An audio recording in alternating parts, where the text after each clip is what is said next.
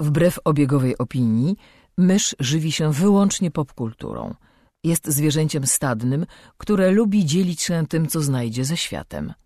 Jej naturalnym sposobem komunikacji jest przerywany śmiechem słowotok. Słuchacie podcastu Myszmasz.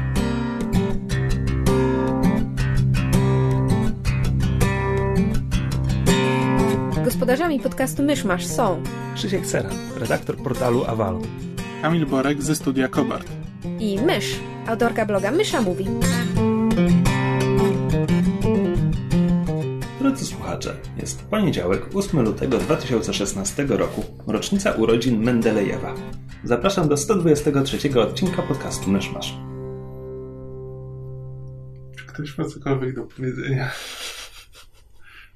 Ja przez cały tydzień grałem w Diablo oglądając w tle Drew Carey Show, więc cofnąłem się do gimnazjum. I tam zamierzam zostać. Tak, i tam nie jest dobrze. Oglądałeś Drew Carey Show w gimnazjum? Albo jakiś początek liceum, ale coś takiego. Hmm. Znaczy nie wiem, a kiedy oglądaliśmy Whose Line Is It Anyway? Nie wiem. Przed, przed studiami, bo ja was poznałam na studiach, a Nie, wyście wtedy, wtedy już znali Huzlina. Ja się od was nauczyłam. To mogło być liceum, to może cofnąłem się do liceum. Tak czy inaczej. E, Czekaj, ale w które Diablo grasz? No w trzecie, ale to jest, to jest cały czas ta sama gra. Mechanizm tej pułapki Skinnera jest ten sam, tak? Tak, dokładnie. To jest pułapka Skinnera? Nie. Klatka. Klatka Skinnera. Okej, też działa. Czy wydarzyły się jakieś wieści, nowości istotne w ostatnim tygodniu? Tak E, teraz próbuję... Revival Gilmore Girls. Siebie to nie obchodzi, ale my z Kamilem Wow. się cieszymy. To znaczy, Kamil się cieszy, bo widział cały serial, ja się cieszę, bo lubię serial, natomiast nigdy nie widziałam, nie, nie widziałam całości, więc najwyższa pora, żebym nadrobiła. Mhm. A poza tym e, crossover, będzie crossover e, Flasha i Supergirl, to znaczy Flash się pojawi w Supergirl. A, prawda. Tak. Czy wy oglądacie Supergirl? Em, nie, ale cały czas zamierzam. Zamiar, tak. tak. Zamierzam nadgonić. Słyszałam bardzo dobre rzeczy. Ja nie mam zamiaru, bo mi za bardzo Flasha przypomina i jeden taki serial mi wystarcza. Ale odcinek crossoverowy obejrzę. No, że jestem ciekawy, jakby ten. No, lubię seriale Berlantiego, lubię Melisę Be, ben, Ben, Me- Benoit? Benoit Nie chyba? wiem. Nie wiem, A jak to za, się czekaj, za co ją lubisz, jeśli nie oglądasz Supergirl? Eee, Jezu, w czym ona grała? Słońce Glee. Glee. A w czymś jeszcze ją widziałem? W jakimś filmie. Ale nie pamiętam jakim. Nieważne. Czekaj, o czym mówiliśmy? Próbowaliśmy wymyślić jakieś nowości. Ale najwyraźniej nie mamy nowości. Nie mamy również gości, którzy mieli przejść, a nie przyszli i nigdy im tego nie wybaczymy. Wiemy, że słuchacie. Wiecie, kim jesteście? Możesz ten, możesz Pawłowi włoić w Diablo w ramach kary. Ale oni nie grają na PvP chyba. Tak. Nie, Nie gra ten. przeciwko sobie. Masz mu ukraść przedmioty przynajmniej? Podstawić nogę? Nie. Beznadziejne to diablo. To musisz mu napisać w czacie, żeby spadał na drzewo.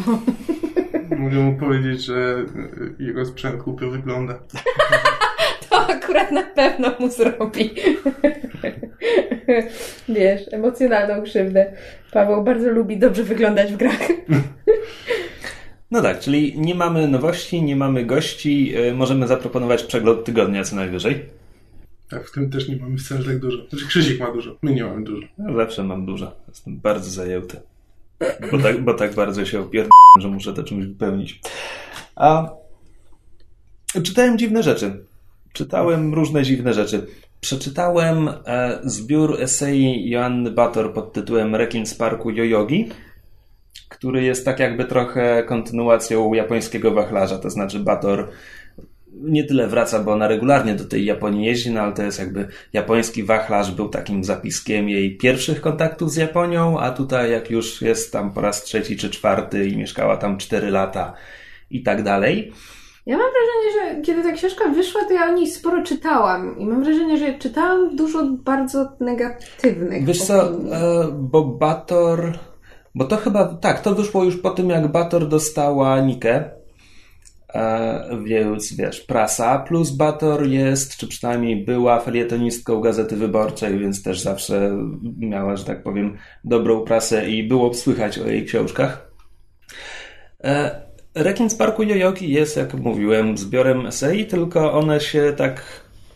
Można je pogrupować w takie trzy bardzo ogólne, cztery bardzo ogólne grupy. E, bo część dotyczy Murakamiego. Jest po prostu Bator pisze o Murakamim, swoim stosunku doń i w tym, kim Murakami jest w Japonii, jak Murakami portretuje Japonię i tego typu rzeczy. E, jest o. Nie, to może jednak tylko trzy grupy są. E,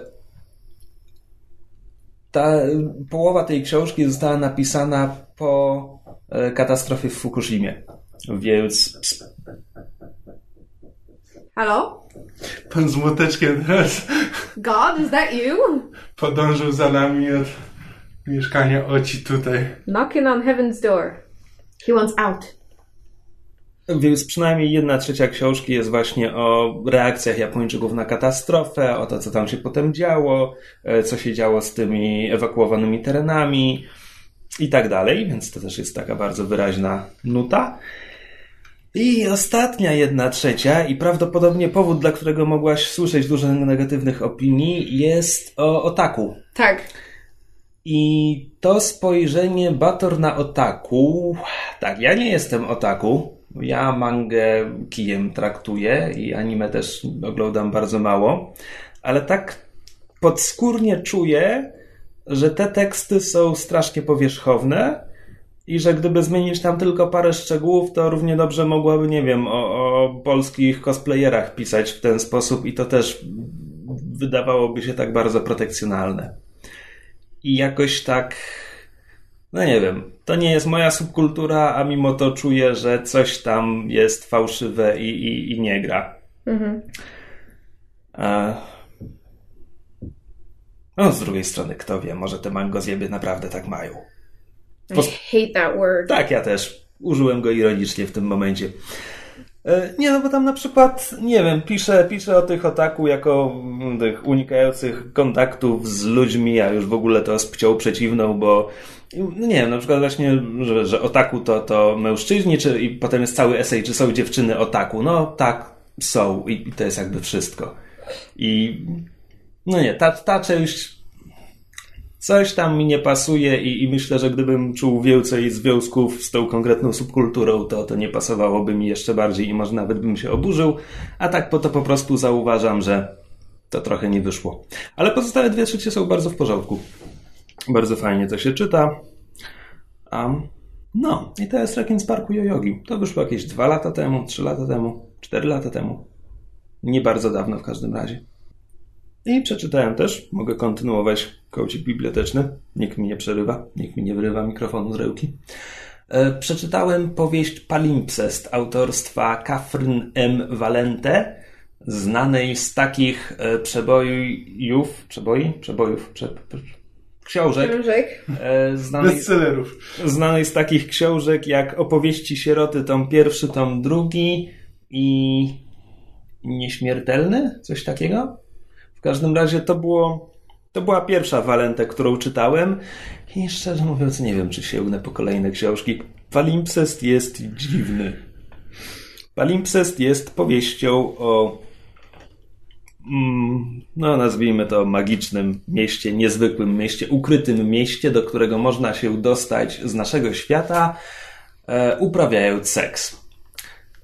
Co oczywiście tak, jakby sprowadzenie książki do takiego zdania jest jakby prostackie i strasznie wykoślawione, no bo to jest. E, bo to jest powieść o pożądaniu, tak, ale też o uzależnieniu, o wypalaniu się i o tym, jak tak naprawdę ci ludzie cierpią katusze i nie wiem, no, zaczynają uprawiać jakiś mechaniczny, bezosobowy seks z kimkolwiek popadnie, byle tylko móc dostać się do tego wspaniałego miasta, które, szczerze mówiąc, eh, Nie odwiedzałbyś go często, jak rozumiem. no właśnie, tak. Trzy, trzy gwiazdki, raczej nie wrócę.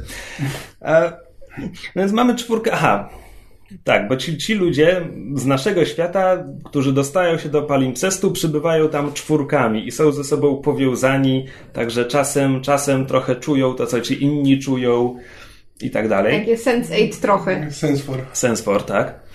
Mm, I po pierwszej nocy w palimpseście, jak się budzą, to mają na skórze tatuaż przedstawiający fragment mapy tego miasta. I potem, jak uprawiają seks z inną osobą, która ma tatuaż, to mogą się wtedy przenieść do tej dzielnicy, którą oni mają wytatuowaną na sobie. To brzmi po prostu Czekaj, czekaj, czekaj, czekaj, czekaj, czekaj, czekaj, czekaj, bo, bo to się robi bardziej skomplikowane. Mm. E, bo jeśli osoba z tatuażem uprawia, uprawia seks z osobą bez tatuażu, to zaraża y, palimpsestem tą drugą osobę i ta druga osoba obudzi się z tatuażem. Tylko nie wiem w tym momencie, dokąd się przenoszą, jeśli ta osoba jeszcze nie ma tatuażu. A w ogóle to książka się zaczyna, kiedy ta czwórka jest w palimpseście u tej żabiej wiedźmy, u której budzą się wszyscy nowi imigranci i ich los zostaje ze sobą związany. Tylko to się dzieje jeszcze zanim oni po raz pierwszy uprawiają seks z ludźmi z tatuażami i nie ogarniam tego, bo coś mi się psuje. Ale wiesz, to jest powieść o ps... Chciałem powiedzieć psach, wow. E, To jest, to jest powieść o snach, więc może trzeba tu logikę snu do tego zastosować i, i ona się zaczyna zanim naprawdę się zacznie.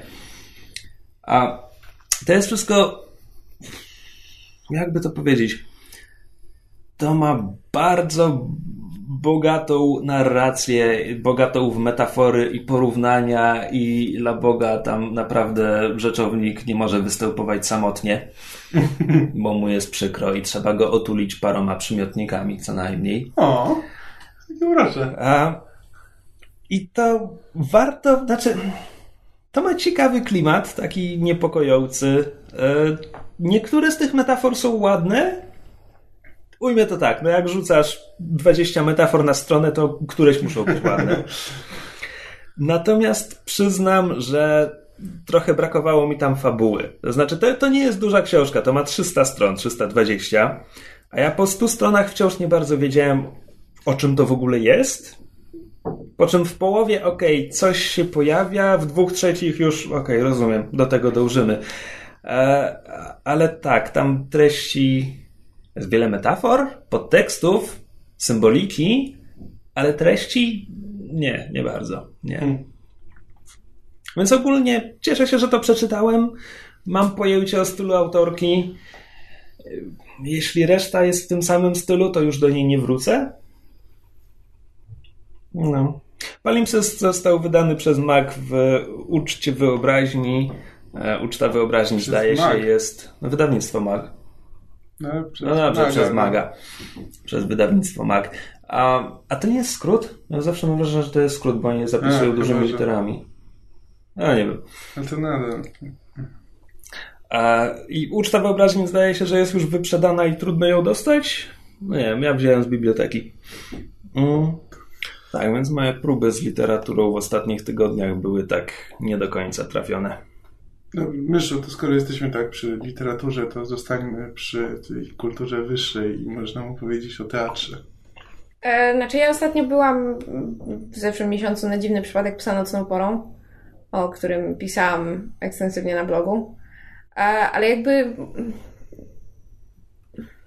umówmy się, brytyjska, brytyjska wersja, ta, którą wyświetlano w ramach e, tych spektakli Anti-Life, jednak jest jakby lepsza, to znaczy już jakby abstrahując od kwestii technicznych, bo, bo teatr e, w, to jest teatr dramatyczny, scena na woli e, w Warszawie. Oni jakby mają też inne możliwości, inaczej scena może być rozstawiona i, i, i to jednak jakby troszeczkę inaczej pod względem technicznym wypada. Natomiast mam wrażenie też, że jakby twórcy przenieśli spektakl na scenie nie do końca rozumiejąc, o czym jest sztuka, to znaczy jakby w czym tkwi wartość sztuki. Bo dla mnie na przykład wartością książki, on się nazywa Mark Haddon, e, autor oryginalnej książki, na której oparto brytyjską sztukę i jakby polską adaptację. Książka jest pod tym samym tytułem? Tak, dziwny przypadek psa nocną porą.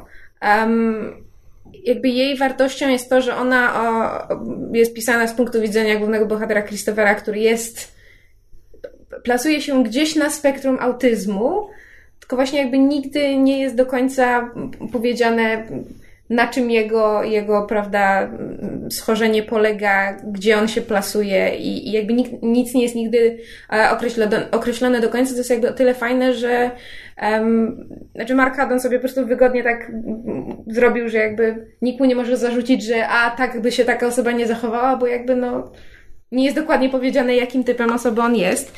W związku z czym w brytyjskim, brytyjskim wystawieniu jakby też ten ten autyzm, czy te zachowania autystyczne są bardzo subtelne i jakby to jest e, przede wszystkim um, grą ciałem oddawane, jakby w ruchu scenicznym jest oddawane, właśnie w inscenizacji, w kwestiach technicznych, tym jak scena jest e, zagospodarowana. Natomiast w polskiej inscenizacji tak bardzo, jak mi się podobał ten Krzysztof Szczepaniak w głównej roli, to jest taki e, młody aktor, który ja od pewnego czasu śledzę i rzeczywiście chłopak ma, chłopak ma naprawdę niesamowity talent i ma charyzmę i, i całkiem nieźle tę rolę udźwignął. Mam jednak wrażenie tutaj, że to jest bardziej, nie wiem, czy wina reżysera, czy zamysł reżysera, żeby jednak to takie, nie, nie chcę być niepatriotyczna, ale to się takie wydaje cholernie polskie, po prostu zastosować takie skróty myślowe wygodne, zamiast rzeczywiście przysiąść i głęboko się zastanowić nad tym, na czym sztuka polega, bo jednak coś w, w tym, że jakby oglądając, oglądając spektakl można jakby zobaczyć te takie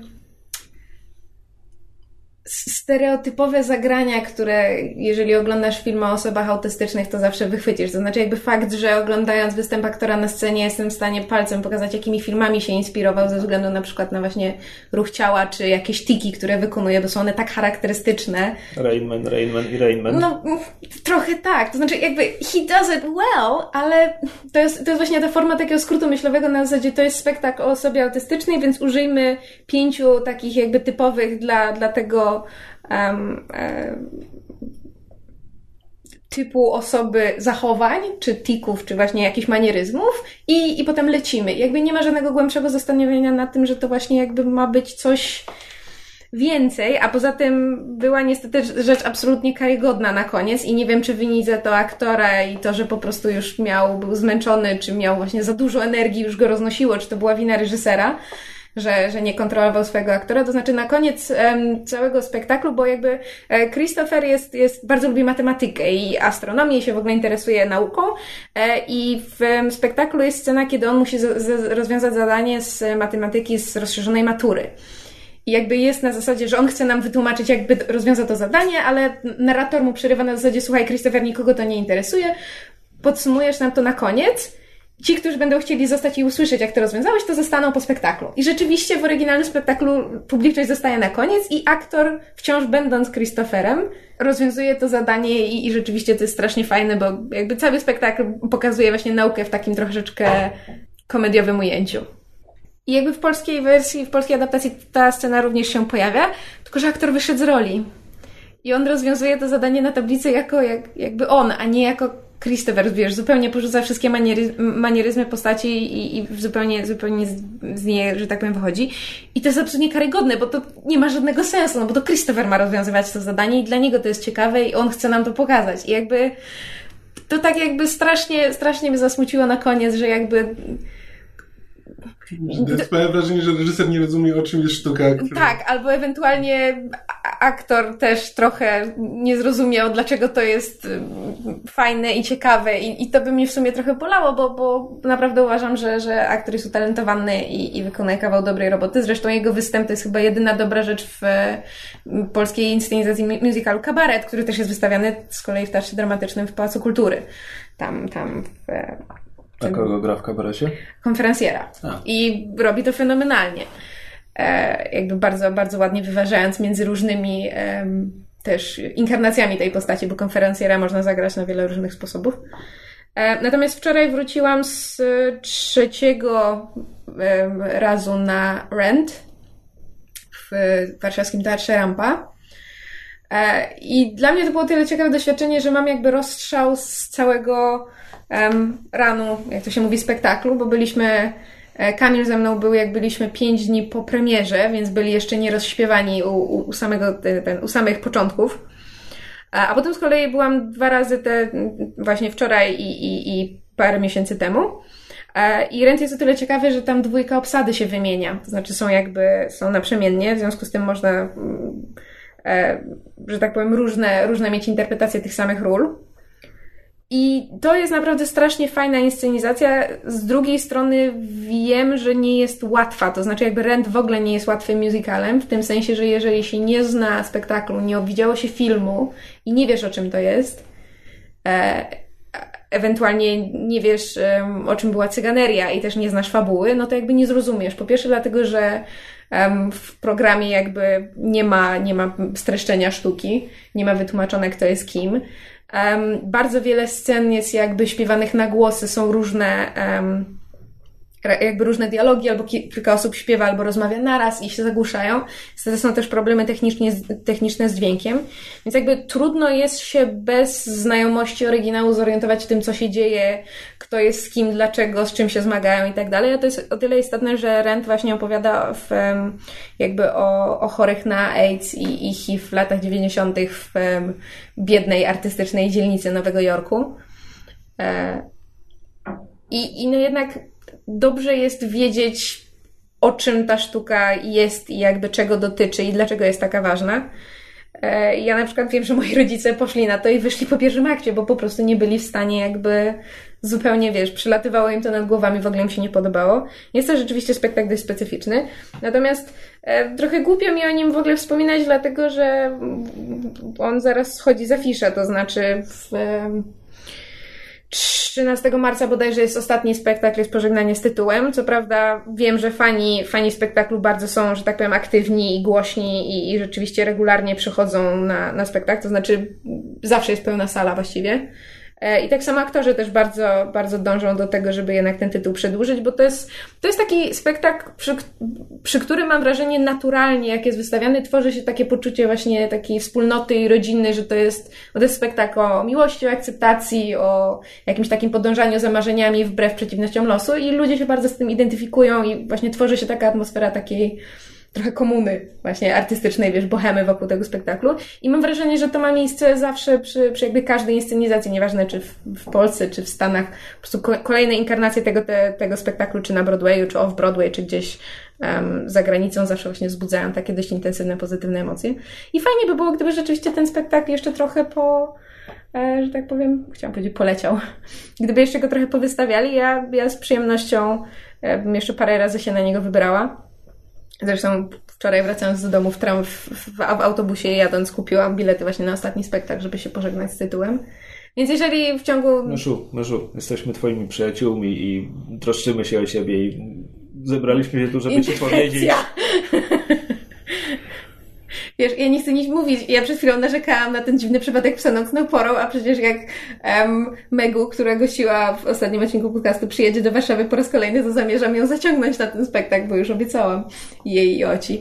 E, więc, znaczy po prostu ja wychodzę z założenia, że jeżeli znajdę w Polsce z, z uściśleniem na Warszawę, bo prawda, moje miasto, ja jestem leniwa, nigdzie mi się nie chce jeździć zbyt często, że jeżeli znajdę w Warszawie spektakl albo aktora, który rzeczywiście jakby się w jakiś sposób wyróżnia na tle reszty, to ja się go chwytam.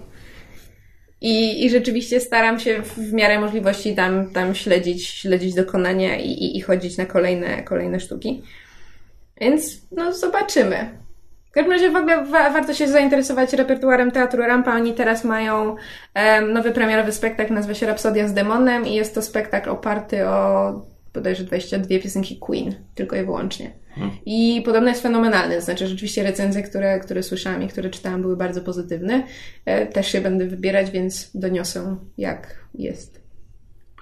A ja się autentycznie zacząłem zastanawiać, czy by się nie wybrać do Łodzi do teatru. Chodzę raz na dwa lata, już pomału, pomału zbliża się pora, bo dowiedziałem się, że Avenue Club w Polsce grają, o czym nie miałem pojęcia.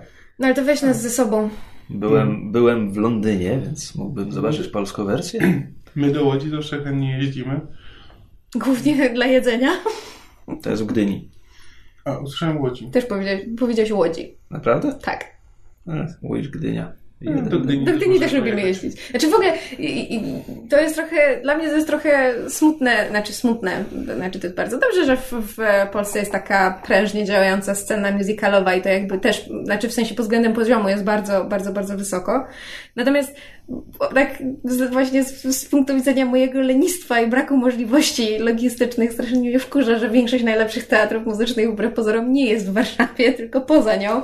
W związku z tym musielibyśmy tak naprawdę co roku robić jakąś objazdową e, trasę po wszystkich najlepszych tych teatrach, bo jest przecież we Wrocławiu, jest właśnie parę na, na Pomorzu, tam w Gdyni, chyba w Sopocie. Na pewno w e, ten, na południu jest bardzo dużo, tam Chorzów, Gliwice, Katowicach chyba, chyba też jest. Trzeba, trzeba będzie się zorientować. I grają naprawdę fajne rzeczy i to takie, które do nas, do, do Warszawy, że tak powiem, rzadko trafiają. Tam dźwięki muzyki, Rodzina Adamsów, w, na Pomorzu przecież Wiedźmina będą wystawiali chyba właśnie w Gdyni. Chyba właśnie w Gdyni. Musical Wiedźmin.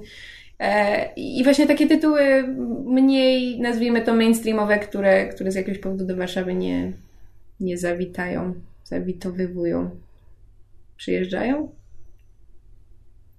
Szukałam innej formy słowa zawitają, ale mi nie wyszło. No i to tyle mojego ukultur- ukulturalniania się.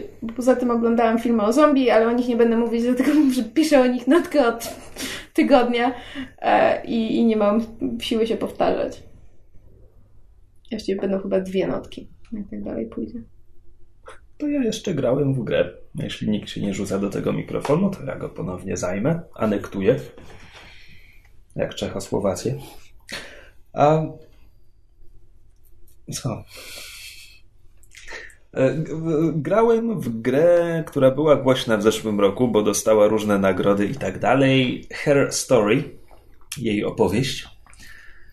E, Była to gra głośna ze względu na swoją narrację oraz oczywiście e, jak, jak, jak, jak idzie to powiedzenie? E, Główną burzę w szklance wody? Czy, czy to naprawdę jest gra i tak dalej? E, Co się oburzali ludzie, których nie słuchamy. Mm, Znaczy oburzali się, bo, bo tam faktycznie nie ma dużo gameplayu. Hair Story polega na tym, to jest opowieść, nazwijmy to detektywistyczno-kryminalna. Mamy do czynienia z nagranymi e, taśmami z przesłuchania pewnej kobiety przez angielską policję. I gdy uruchamiamy grę, to ekran naszego komputera staje się ekranem komputera, przed którym siedzi tajemniczy bohater, ewentualnie bohaterka gry. I to ta, ta postać jakby przeszukuje y, bazę danych policji i jakby jej ekran komputera jest naszym ekranem komputera, uruchamiamy grę i wyświetla nam się pulpit Windowsa 95 i tak dalej. To jest wszystko bardzo ładnie zrobione, e, bardzo przekonująco.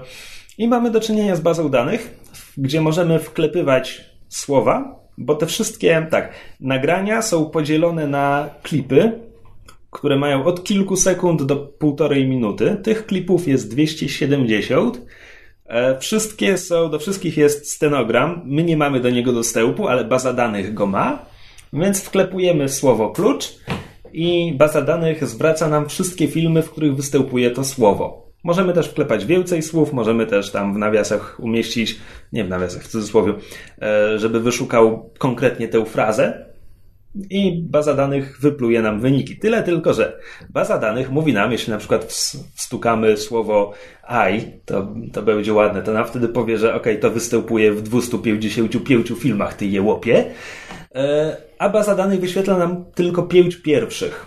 Pierwszych w kolejności chronologicznej, bo taśmy z przesłuchań to są przesłuchania z tam chyba z czterech czy nawet pięciu różnych dni. I po prostu, jeśli to słowo występuje w 50 filmach, no to zob- zobaczymy 5, powiedzmy, z tego pierwszego dnia tylko. A jakby możemy się domyślać, że te kolejne dni przesłuchań jakby przynosiły jakieś przełomy w śledztwie i tak bardziej nas interesują te, te dalsze filmy, te późniejsze chronologicznie. Więc musimy się wsłuchiwać w to, co nam tam ta pani mówi i wyłapywać jakieś słowa klucze i tak zawężać nasze poszukiwania, żeby dotrzeć do prawdy. Kiedy uruchamiamy grę, gra nam sugeruje, żebyśmy na początek wyszukali słowo murder, morderstwo.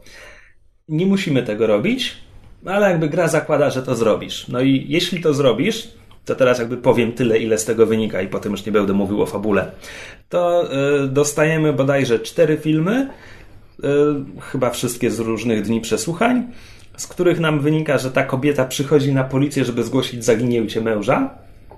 Potem jest inny fragment, z którego wynika, że ten mąż został zamordowany. Potem jest nie pamiętam co. I na końcu jest coś, z czego wynika, że to ją o to oskarżają, a ona mówi, że jest niewinna. I to jest jakby to, co wiemy na początku. I od tego grzebiemy. Jest takie, taka dziwna opowieść detektywistyczna, w której tak naprawdę śledztwo już zostało dokonane i my grzebiemy tylko w wynikach śledztwa. Co więcej, e, tak jak głosi tytuł, to jest tylko jej opowieść. To znaczy na tych taśmach e, policjant nie odzywa się ani razu, bo jego strona przesłuchania została, ten, te taśmy przepadły. Oczywiście. I jest to ciekawe. To jest taki eksperyment narracyjny, gdzie tak naprawdę od nas zależy, w jakiej kolejności poznamy historię. Jednocześnie to jest wszystko bardzo umiejętnie pocięte i zmontowane tak, gdzie te najbardziej oczywiste, czy nawet te nie najbardziej oczywiste słowa, jakby wypływają ci tych pierwszych kilka wyników, które coś tam, jakiś przebłysk tam znajdziesz, ale za każdym razem masz to poczucie, że a, nie, nie, to w tych, w tych wynikach, których nie mogę teraz obejrzeć, jest, jest ta prawda. I to jest całkiem umiejętnie zrobione. Z drugiej strony, ponieważ masz dostęp tak naprawdę do całej bazy danych, więc jeśli masz taką fantazję i przyjdzie ci do głowy słowo, no to nagle może się okazać, że w pierwszej minucie trafiasz na zwrot akcji. I ja tak Bo trochę. wpisałeś słowo pomidor na przykład. I ja tak trochę miałem, to znaczy tam jest jedna kluczowa informacja, która jakby odwraca wszystko na głowie i to ona jest najważniejsza w całej tej historii. I ja na nią trafiłem zanim poznałem jakiekolwiek szczegóły dotyczące tego morderstwa. To znaczy, jeszcze, nie wiedziałem, jaka jest, jaka jest ta historyjka o zaginięciu, jeszcze nie wiedziałem, gdzie znaleziono zwłoki, w ogóle nie miałem pojęcia, co się stało, i już trafiłem na coś, co było jakby, powiedzmy, cztery etapy dalej. W związku z czym, kiedy trafiłem na to, no to potem chwyciłem się tego i zacząłem uzupełniać luki, tylko że wydaje mi się, że przegapiłem dużo historii, bo tak się, tak się uwziąłem na, na to odkrycie przełomowe, że potem jak już sobie mniej więcej stwierdziłem, że dobra, ja już skończyłem tę grę, potem czytałem w internecie. No i wtedy odkryłem jakby ile jakichś subtelnych przesłanek kompletnie przeleciało mi nad głową, bo w ogóle o nich nie myślałem, bo po prostu już jakby byłem przekonany, że ja już wiem o co chodzi i, i kompletnie je odrzuciłem. I tak sobie myślę, że no to nie jest, nie jest moja wina, no po prostu wklepałem takie hasło, które zwróciło mi taki wynik, że mm, jakby myślałem, że już po tajemnicy. E, Wydaje mi się, że jest jednak jakiś taki bardziej, nazwijmy to, konwencjonalny ciąg myślowy, który jednak trochę, trochę bardziej linearnie by to rozwinął.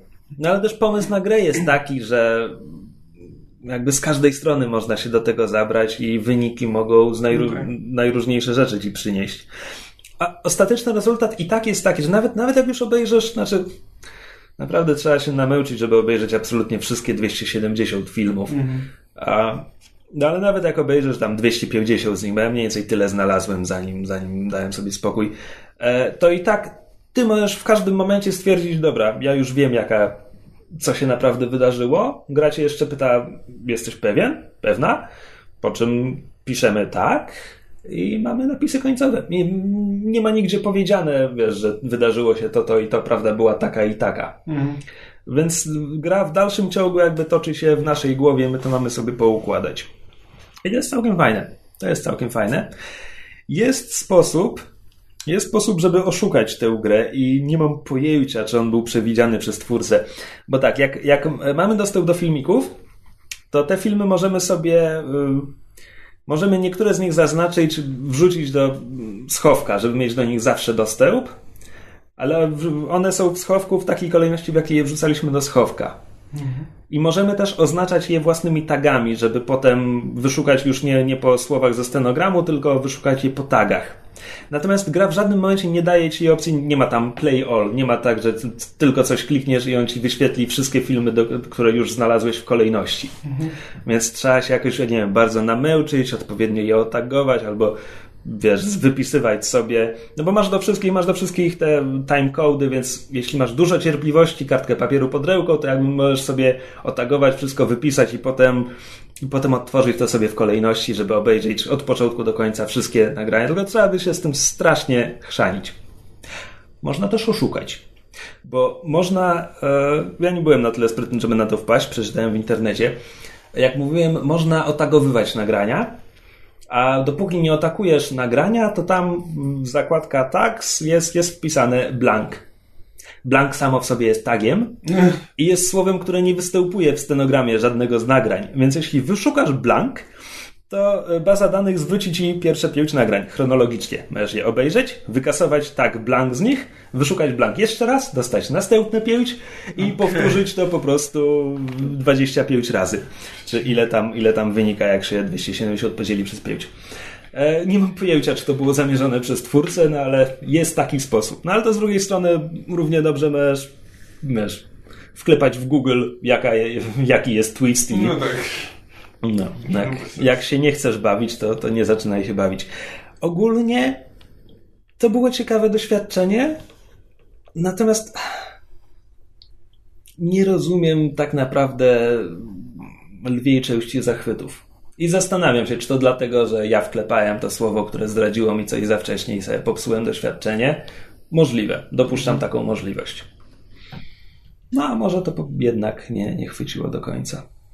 Ale to jest, to jest coś ciekawego. A teraz twórca powiedział, że będzie e, kontynuacja. Znaczy kontynuacja, będzie druga gra z cyklu, prawdopodobnie z jakąś inną historią. Nie bardzo sobie wyobrażam, to, tego nie da się kontynuować, to, to na pewno będzie coś innego. A więc tak, to jest Her Story.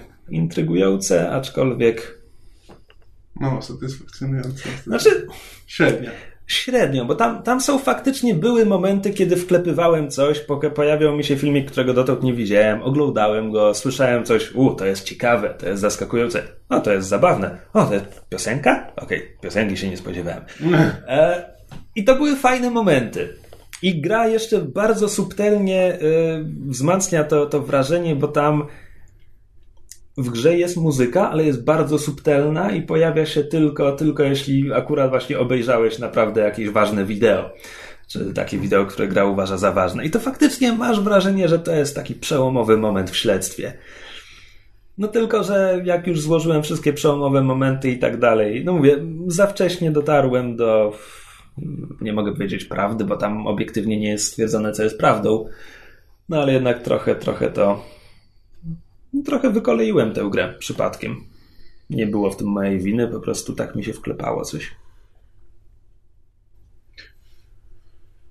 Dobrze, to na koniec chyba jeszcze um, wszyscy widzieliśmy finał Galavant. sezonu Galavanta. Tak. Bla, bla, Galavant. I'd like to shoot him with a crossbow. No i jak wrażenia w porównaniu z pierwszym sezonem? Drugi sezon ma fantastyczny finał, który byłby wspaniałym finałem całego serialu, jeśli serial się skończy w tym momencie. Ale serial, sezon był kiepski. To znaczy, ojej. No, ojej. To znaczy, mogliby tak bezpiecznie wyciąć przynajmniej dwa odcinki i skondensować te, całą resztę. Te dwa dodatkowe odcinki, które dostali w tym sezonie, prawda? Tak, no mogliby to po prostu wszystko skondensować, bez problemu by, by się to wszystko zamknęło. Znaczy, były fajne momenty i jakby są, są, są naprawdę fantastyczne piosenki i jakby bardzo mi się podobało, że tak jak jakby. Znaczy, z jednej strony to mi się podobało, z drugiej strony nie do końca, bo tak jak pierwszy sezon Galavanta jakby bardziej się naśmiewał z takich baśniowych e, tropów i, i, i motywów, tak mam wrażenie, że w drugim twórcy poszli bardziej w nabijanie się konkretnie z jakby z musicali i... Znaczy, wiesz co, dla mnie to nie było nabijanie się, to po prostu były no, piosenki nawiązujące do musicali. Nie, ale ja nie w sensie- widziałem w tym nabijania Ale ja nie mówię nabijanie w, jakby w sensie negatywnym, tylko właśnie takiego wykorzystywania pewnych, pewnych tropów dla mm, śmiechu, no, dla, dla jakiejś tam rozrywki. I w pierwszym sezonie to jednak były bardziej motywy baśniowe, a w drugim jakoś tej baśniowości było mniej. Może też dlatego, że wszyscy się rozdzielili i jakby musieli te wątki prowadzić trochę bardziej w stylu nie wiem, To znaczy tak, jakoś ja, ja, ja może ostrzegę słuchaczy, że zaspoilerujemy ten serial, bo ja, No chcę, tak, ja tak. chcę coś powiedzieć. A, a jednocześnie zaraz, zaraz do tego mogę powiedzieć, no bo to w sumie mm, nie czuję się winny, no bo to nie jest serial, który się ogląda dla fabuły, nie do końca. Ale ogromnym problemem tego sezonu jest to, że twórcy pomyśleli to samo. W sensie twórcy ewidentnie stwierdzili, nikt tego nie ogląda dla fabuły i fabuła leży. To znaczy, ja, ja, mógłbym, ja mógłbym się przyczepiać do mnóstwa różnych wątków, ale tego nie zrobię, tylko chcę wskazać dwa momenty, gdzie twórcy mieli zdecydowanie lepsze rozwiązanie na wyciągnięcie rełki i nie skorzystali z niego. I są dwa takie momenty. Jedno to jest, e, kiedy ten, ta Izabela jest opełtana przez magiczną koronę i Izabela przestaje być opełtana przez magiczną koronę. I Izabela po pierwsze spełza cały sezon siedząc w tym cholernym zamku i ma dookoła siebie e, kuchcika, błazna swoich rodziców, swojego małoletniego narzeczonego, no bo tam jedną trzecią drugoplanowej obsady serialu ma tam koło siebie. Izabela zostaje wytrącona z transu przez jakąś księżniczkę, która wpada na jeden numer muzyczny, której nigdy później nie widzimy w serialu, bo to był guest star. Nie wiem, kto to był. Te guest stary w ogóle nie zrobił. Nieważne. W każdym razie jest Izabela, jest tyle postaci dookoła niej, z których można by którąś rozwinąć, dać jej jakąś większą rolę w tym serialu. błazen, przepraszam. Na przykład. Nie mówię, kto, którakolwiek z tych postaci mogła pomóc Izabeli, lub szalona myśl, Izabela mogła dostać numer muzyczny, w którym sama wyrywa się spod kontroli y, tego magicznego czegoś, bo ma silną wolę czy cokolwiek. No jakby jest tyle innych rozwiązań, które byłyby lepsze niż przypadkowy numer muzyczny z przypadkową postacią, której nigdy więcej nie zobaczymy w serialu. Zwłaszcza w momencie, jest- kiedy wow. masz, zwłaszcza w momencie, kiedy masz postać e, tego kuchcika, który znalazł się jakby, prawda, w tym samym zamku co, co Izabela, który przecież na, na początku tego drugiego sezonu miał tę fenomenalną scenę pod tytułem, kiedy ona ten wyjmuje ten niby e, naszyjnik z tym kamieniem szlachetnym, jest takie, zawsze go nosiłam, zawsze go miałam na sobie i on wytyka jej, że to jest brak continuity, że ona tego nie miała, znaczy to był jakby żart, żart scenarzystów, ale wiesz, masz postać, której specjalnie dajesz rolę, tak, taką meta właśnie na zasadzie wytykania jakichś błędów w, w, w ciągłości, czy jakichś takich nie, niedopatrzeń i nie dać tej postaci potem możliwości to jeszcze wykorzystać na zasadzie, że a ja widzę, że ona jest kontrolowana, no to pomóżmy jej, bo przecież, prawda, Tak, nie możemy mieć tutaj- serialu, w którym księżniczka tylko i wyłącznie jest przez kogoś kontrolowana. No, Każde, prostu... każde inne rozwiązanie tego wątku byłoby lepsze od w tego, ogóle- na które się zdecydowali. Znaczy ten serial to mogę powiązać z tym Carey Show, który teraz oglądam, ponieważ Drew Carey Show jest takim typowym sitcomem z lat 90. i mimo, że jakby jest tam parę takich momentów, gdzie próbuje robić coś ciekawego, tam na przykład były odcinki, które są w pełni na żywo puszczane, jakby ten przed, przed kamerami odgrywane, jest, jest parę takich rzeczy, gdzie eksperymentują z formą, ale zasadniczo przez większość czasu to jest taki standardowy e, sitcom. I są to takie właśnie typowe dla sitcomów momenty, kiedy na przykład, nie wiem, jest impreza, wielka impreza, na którą przez przypadek zaprosili całe Cleveland do domu, e, do domu Drew i tam, i nagle pojawia się na przykład burmistrz e, Cleveland na gestara, który mówi dwa zdania, po czym wychodzi, a potem pojawia się jakiś znany futbolista, z który też zamieniają dwa zdania, wrzuca jakiś jeden dowcip, który nie wypala, bo nie jest komikiem i wychodzi.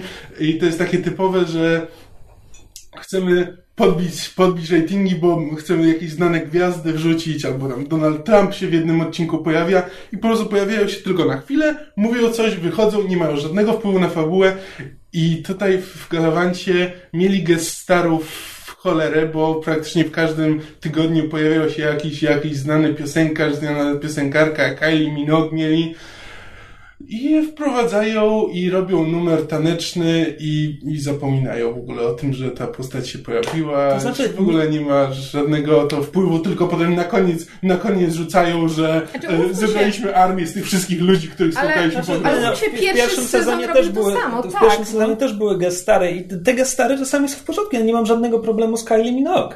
Ja, Nie, ja mam problem, że dla randomowego gestara jest przeznaczone rozwiązanie wątku, właśnie o które powinno być prostu- istotne.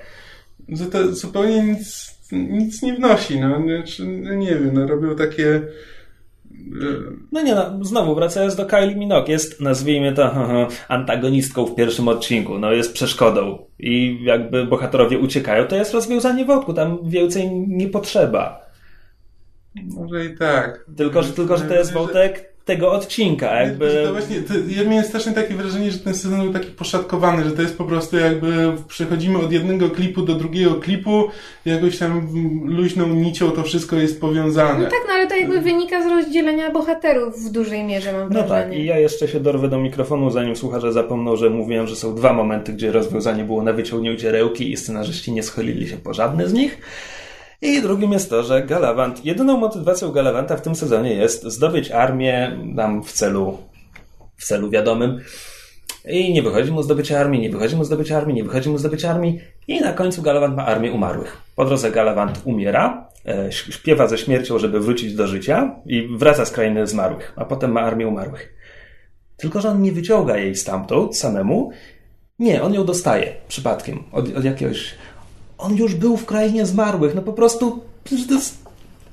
Te wątki są tak bardzo, no tak się proszą o to, żeby je, żeby je powiązać w jedno. W zasadzie, że żeby, wiesz, jak masz piosenkę ze śmiercią, no, że on zasadzie... wygrywa ze śmiercią i zabiera chórek śmierci, który staje się jego armią w tym momencie. Albo na przykład co- coś na zasadzie, wiesz, jakieś, jakoś nawiązanie do, nie wiem, do mitu, wiesz, Orfeusza i Eurydykę trochę na zasadzie, że słuchaj, śmierci, wygrałem z tobą, wiesz, w śpiewaniu, to teraz słuchaj, ja chcę swoją miłość uratować, to z miłości, nie, dla miłości daj mi armię umarłych. No tak, I miłość, ma- inaczej i, i śmierć mu daje armię, no, coś to- takiego, w każdym razie tak, masz, masz Galawanta w krainie zmarłych i masz armię umarłych. I jak można nie wpaść na to, żeby Galawant zdobył armię umarłych w krainie umarłych? No po prostu wow! A poza tym, gdyby tak było, to przynajmniej Galawant zrobiłby jedną rzecz w tym sezonie. Prawda? A ponieważ tego nie ma, on nie robi w tym sezonie nic. Znaczy- I z drugiej strony Izabela, zauważ, też nie robi w tym sezonie Ale nic. to, to nie pamiętam, czy to z, To wiesz, płci. No. Ale nie, czy, czy zwierz w swojej notce to zawarło, czy ktoś w komentarzach, czy w ogóle jak były dyskusje właśnie a propos tego sezonu Galavanta, to ludzie się śmiali, że ten, że jeżeli będzie, że, że jeżeli byłby trzeci sezon, to serial powinien co sezon zmieniać e, tytuł, kierując się głównym bohaterem. I pierwszy byłby Galavant, drugi byłby Richard. No, No bo tak. umówmy się, to jakby właśnie... Nie, wątek, wątek Richarda jest, jest bardzo w porządku, aczkolwiek przeżyłbym, gdyby tak było mniej więcej o połowę mniej, mm, nie wiem, w ogóle nawiązywania do tego, że jest prawiczkiem i la Boga, straszne, koniec świata. Tak, i jakoś ten Hero Sword niby był tak podbudowywany przez cały sezon, a tak w końcu... mm, Znaczy, to jest McGuffin, to akurat No tak, nie potrzebuje, żeby to coś z tego było. tak, Dla mnie to było dziwne. No, Po, jakby- poza tym wątek Richarda był w porządku. E, Gareth i Madelena byli świetni przez cały sezon, Tak. tu nie mam żadnych zastrzeżeń. No tak, no ale Galawan i Izabela nic nie robili i się snuli. Są momenty geniuszu. E, las zbiegu Tak, okoliczności to, to jest wszyscy, fantastyczny. wszystkim, chyba nie spotkałam jeszcze osoby, której by się to nie podobało. Tak, więc, więc to, to, było, to było bardzo dobre, no ale reszta jest... Ech. I, I tak, i y, biorąc pod uwagę, jak bardzo ech, był sezon ogólnie, to dwa finałowe odcinki są super. Tak. Bardzo porządne i muzycznie, chociaż tutaj jakby przedostatni jest lepszy od ostatniego, y, i fabularnie w porządku, jakby nie mam dużych zastrzeżeń. Nie, ale wiesz, bo Galawan mam wrażenie, że to jest w ogóle mm, taki serial, w którym przede wszystkim są jakby małe, wiesz, drobne perełki po, po roz... Znaczy, bo, bo ja się, bo jasne, to nie jest serial, który się ogląda dla fabuły. Nie, ale, ale ja- ale nie o jeśli ta chodzi. fabuła leży i kwiczy, to już jest źle. Nie, ja się, ja się z tobą zgadzam, no. Fabuła nie może odwracać twojej uwagi. Znaczy, w tym momencie jest po prostu na tak niskim poziomie, że po prostu odwraca uwagę od tego, że wiesz, może, może być prosta, może być prostacka, możesz wiesz, rozwiązywać wątki za pomocą lasu zbiegu okoliczności i to jest fajne, e, tylko no, ale nie może być tak słaba, że po prostu mm, nie możesz się cieszyć piosenkami, bo się zastanawiasz o co tutaj cholera chodzi. Ale też mam wrażenie, że niektóre jakby, tak jak mówisz o tych dwóch niewykorzystanych pomysłach, to z kolei mam wrażenie, że niektóre pomysły były takie trochę tak jakby moim zdaniem jedna z największych wad komedii, to znaczy, że wymyślasz dowcip, który potem na siłę sprzedajesz przez, przez zbyt długi czas w momencie, kiedy mogłeś go zawrzeć, wiesz, znaczy mógł się pojawić tak na zasadzie jako aside, tylko wiesz, a to jest śmieszne i zostawiamy. Nie, jest po prostu zamęczane aż do do, do, do no, momentu, kiedy przestaje być śmieszny. Abs absolutnie ale na przykład... najgorszy był magiczny kryształ jako telefon komórkowy, szwankujący i ten sztuczny konflikt między Galawantem i Izabelą, który w ogóle jakby wyparowuje i nie ma znaczenia nie, to było złe. Znaczy, to dla mnie, to było, dla to mnie to było takie zwykłe, wiesz, miscommunication, jakich akurat w takich... Ale po co? Ale no bo, no bo to jest właśnie, wiesz, jak w jakiś sposób nawiązywanie do tego wątku, nie wiem, z, z komedii romantycznych pod tytułem, że wiesz, że oni się kochają, ale są tacy niepewni tego ale uczucia. Ale oni nie mają żadnych interakcji w sezonie przed finałem.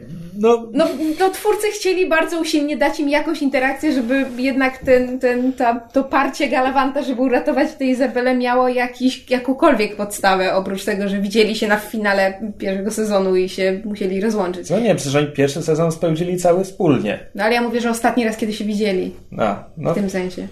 Nie no. Bo potem bo przez cały drugi sezon się w ogóle nie spotykają, no tak. a Galavant do niej, prawda, jedzie na no bo ją kocha. No Co tak. Tu, czego więcej potrzeba? No właśnie najwyraźniej twórcy stwierdzili, że potrzeba no czegoś więcej, jakiegoś utwierdzenia tego. Nie, mi chodziło, w ogóle żeś mnie wykoleją, bo nie, o to mi chodziło. E, chodziło mi o żart z ten, e, olbrzymami i krasnoludami, znaczy karłami. Znaczy to naprawdę było takie śmieszne, żeby poświęcać temu prawie cały odcinek. No nie. I jakby też konflikt był bezsensowny i, i, i nic nie wnosił i... Znaczy pomijam moją ulubioną, ulubioną krytykę do tego odcinka to, że do, do przewodzenia e, ekipie karłów nie zatrudnili Simona Pega. No, za drogi. No nie? E, nie, ale jakby takich, takich no nie wiem, no. Znaczy fajnie, że dostaliśmy ten drugi sezon. Ja się bardzo cieszę i jakby na pewno z przyjemnością będziemy słuchać piosenek. Że biorąc pod uwagę, jak pierwszy sezon nie miał zakończenia, to byłoby szkoda, gdyby drugiego nie było. Tak. E... Ale tak, ale drugi sezon ma ładne zakończenie, które jest zakończeniem dla całego serialu i tak sobie myślę, że chyba będzie lepiej, jeśli nie dostaniemy trzeciego, bo jeśli drugi sezon świadczy o jakby tym, mm. ile twórcy jeszcze mają pomysłów, to znaczy dla mnie, dla mnie jakby z tego serialu wynikają dwie rzeczy. Jedna to jest, że ludzie jakby odkryli na nowo do tego. On jest um, Timothy Amundsen, czyli właśnie król Ryszard. Na nowo? Jak... A gdzie go można było wcześniej? W Psych przez jakby całe, całe tam 8 sezonów serialu on grał takiego bardziej straightmana, takiego wiesz, policjanta, który, który musi znosić ekscesy dwóch głównych, takich właśnie bardziej szalonych bohaterów. I w Supernatural się pojawił w niewielkiej, ale bardzo fajnej roli. Więc fajnie, że ludzie go jakby odkrywają na nowo. Myślałem, um, że Dul Hill gra straightmana w Psych. Znaczy, tak i nie, a znaczy jakby, bo Dual Hill gra Straightmana do postaci tego, tego, tego głównego właśnie faceta, który udaje, udaje psychika, udaje tego tam... Medium. Medium, medium tak? Natomiast Timothy Amundsen gra Straightmana do nich obu, jako Aha. jakby duetu, nazwijmy okay. to. A druga rzecz to jest, że odkryłam, odkryłam tego, znaczy odkryłam postać Błazna i teraz zamierzam patrzeć, gdzie ten aktor będzie grał, dlatego że on, on mi się wydaje po prostu karygodnie niewykorzystany, bo on jak, jak miał jakieś sceny albo był gdzieś w tle, to był strasznie właśnie taki fajny i, a poza tym to jest facet, który ma bardzo specyficzną urodę, jest blond, blond ryży i ma chyba dwa metry wzrostu, albo nawet więcej, po prostu, nie wiem czy zauważyliście, jak był, chyba w pierwszym odcinku był ten line-up, co oni tańczyli do, do piosenki otwierającej sezon, to po prostu widać, jak on jest ogromny, on po prostu wystaje głową nad wszystkich aktorów i dla mnie to było jakieś strasznie komiczne, też jakby, że Błazen, czyli zazwyczaj ta właśnie najmniejsza postać, taka strasznie wysoka. Ogólnie fan klub Błazna. Jej. Za mało go było w tym sezonie. Tak, największy zarzut. Za mało Błazna.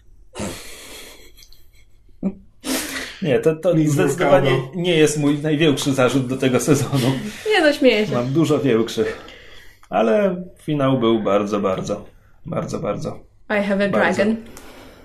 Oj, ale tam jest tyle fantastycznych momentów, kiedy, kiedy Kuchcik e, zauważa trzy armie idące na jego dom.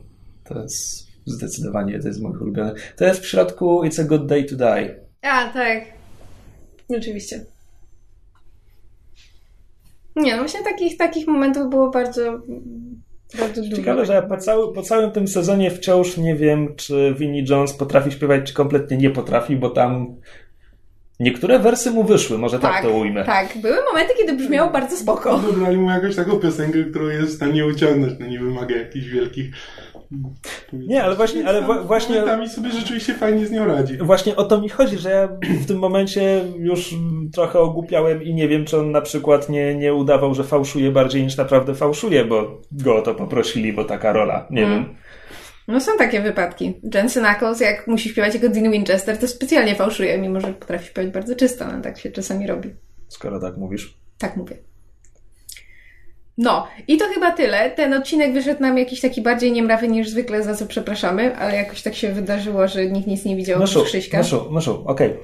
Jeśli chcesz obniżać oczekiwania słuchaczy, żeby, żeby ich zaskoczyć jakością, należy to robić, to, należy to robić na początku. nie, Kiedy robisz to, to jest... na końcu, to tylko jakby... Nie, to jest, jak to się nazywa? Um, jest, jest takie ładne określenie po angielsku, o którym ja myślę, że to jest nie lowering expectations, managing, expectations. managing expectations, tak, właśnie. Znowu, to należy robić najpierw. Nie, to na końcu, na zasadzie widzicie ten odcinek, nie podobał wam się, no to właśnie dlatego. Ja mam na swoje usprawiedliwienie to, że jestem chory. Tak, Kamil jest chory i bardzo wygodnie nie chce mnie zarazić, żebym też była chora. I też miałam wymówkę. Ja chcę mieć wymówkę. Następny odcinek będzie nieco bardziej konkretny. Już teraz możemy uchylić e, kurtyny, robka tajemnicy i Poliszynela i nie bardzo wiem, dokąd ta metafora idzie, e, bo zadajemy sobie taką pracę domową, w której możecie uczestniczyć i wy, jeśli macie taką fantazję. Powtórzymy sobie, a Kamil obejrzy po raz pierwszy e, Rocky Horror Picture Show i porozmawiamy o tym wiekopomnym dziele? Tak, zwłaszcza, że ten, stacja Fox przygotowuje remake z bardzo fajną obsadą, więc będzie ten. Jak ty się uchowałeś, że ty tego nie widziałeś? Nawet ja to widziałem. That's not, that, to nie jest żaden wyznacznik, Krzysztofie, to, że ty coś widziałeś. Tak, więc e, odcinek 124, Rocky Horror Picture Myszmasz i zobaczymy, co z tego wyjdzie. I to tyle od nas. Zapraszamy w przyszłym tygodniu. Do usłyszenia. Na razie. Na razie. Słuchaliście podcastu Myszmasz. Możecie nas znaleźć na myszmasz.pl lub polubić nasz fanpage na Facebooku. Możecie nam także wysłać maila na myszmaszpodcast.gmail.com Jeżeli do nas napiszecie, będziemy szczęśliwi jak jaszczurka imieniem Tad Cooper. To smok. I super believe in you, Tad Cooper!